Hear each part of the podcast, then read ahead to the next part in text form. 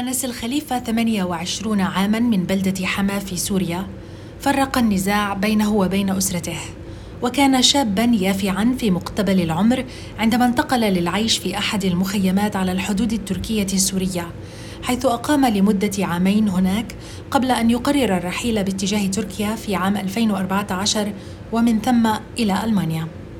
وهناك بدأ أنس بالعمل في تركيب الألواح الشمسية على الأسطح واستمر في هذه المهنة زهاء عامين حتى يوم السابع من كانون الأول ديسمبر 2018 حيث كان يعمل في مبنى مؤلف من طابقين عندما انزلق وسقط على الأرض فأصيب النخاع الشوكي مما أدى إلى شلل في أطرافه السفلى.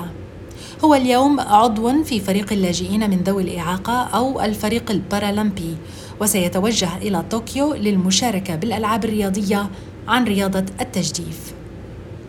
ما في ما في كلام يوصفها صراحة ما في كلام يوصفها بس الله بعث لنا أشخاص طيبين صدقا إن كان بالكادر الطبي إن كان بالحياة الاجتماعية يعني كأصدقاء كجيران ناس طيبة كثير لأبعد الحدود. يعني ساعدونا كثير أكثر ما تتصورين. مشاعر الأسى لم تتغلب على أنس واستطاع بمساعدة أصدقائه الجدد مواصلة السير من جديد.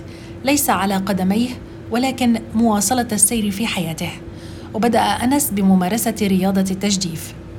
كبداية ما كان في بالي على الأطلاق بس بعد الحادث تسكرت جميع الأبواب بوجهي ما عاد أعرف حالي أنه بدي أكفي بها الحياة أو أنه خلص حياتي انتهت. الفضل يعود كما يقول أنس للمعالجة الفيزيائية التي حفزته وحاولت إقناعه أكثر من مرة بممارسة هذه الرياضة التي تعتمد على قوة الذراعين. يعني مرة واثنين وثلاثه وعشرة المهم آخر شيء قلت له خلاص راح أجرب الرياضة. هي من باب التسليه لا أكثر ولا أقل. المهم عرفتني على صديقة صديقة حاصل كمان على ميدالية وهو كمان بنفس الجروب تبعنا وبنفس الفريق. فأجيت جربت مرة اثنين. يعني من باب التسلية لا أكثر ولا أقل. المدربة تبعيتي من البداية يعني قالت لي أنت من أول سنة راح تذهب إلى طوكيو. أنا متأكدة 100% قلنا لها مستحيل لساتنا ببدايه الطريق.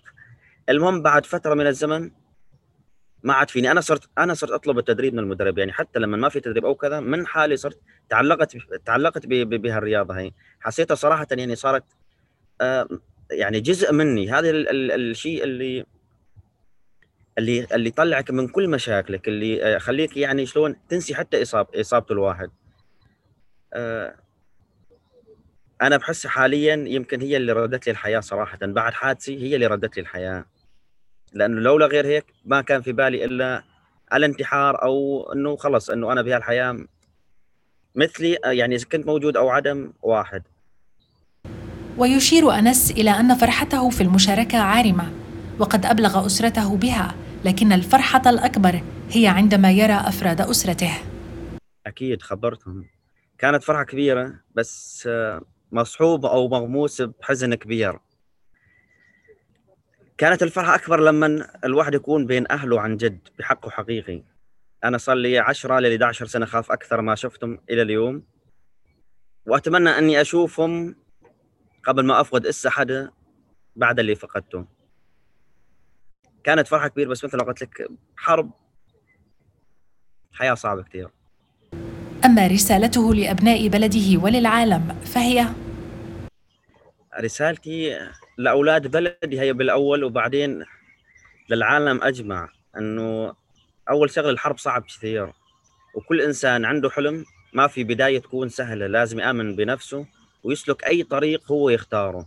بس قبل ما يختار الطريق هذا لازم هو يكون يحب هالطريق هذا يكون جزء منه. إذا ما أتقنه بالعمل أو حب هالطريق من سبع المستحيلات يوصل له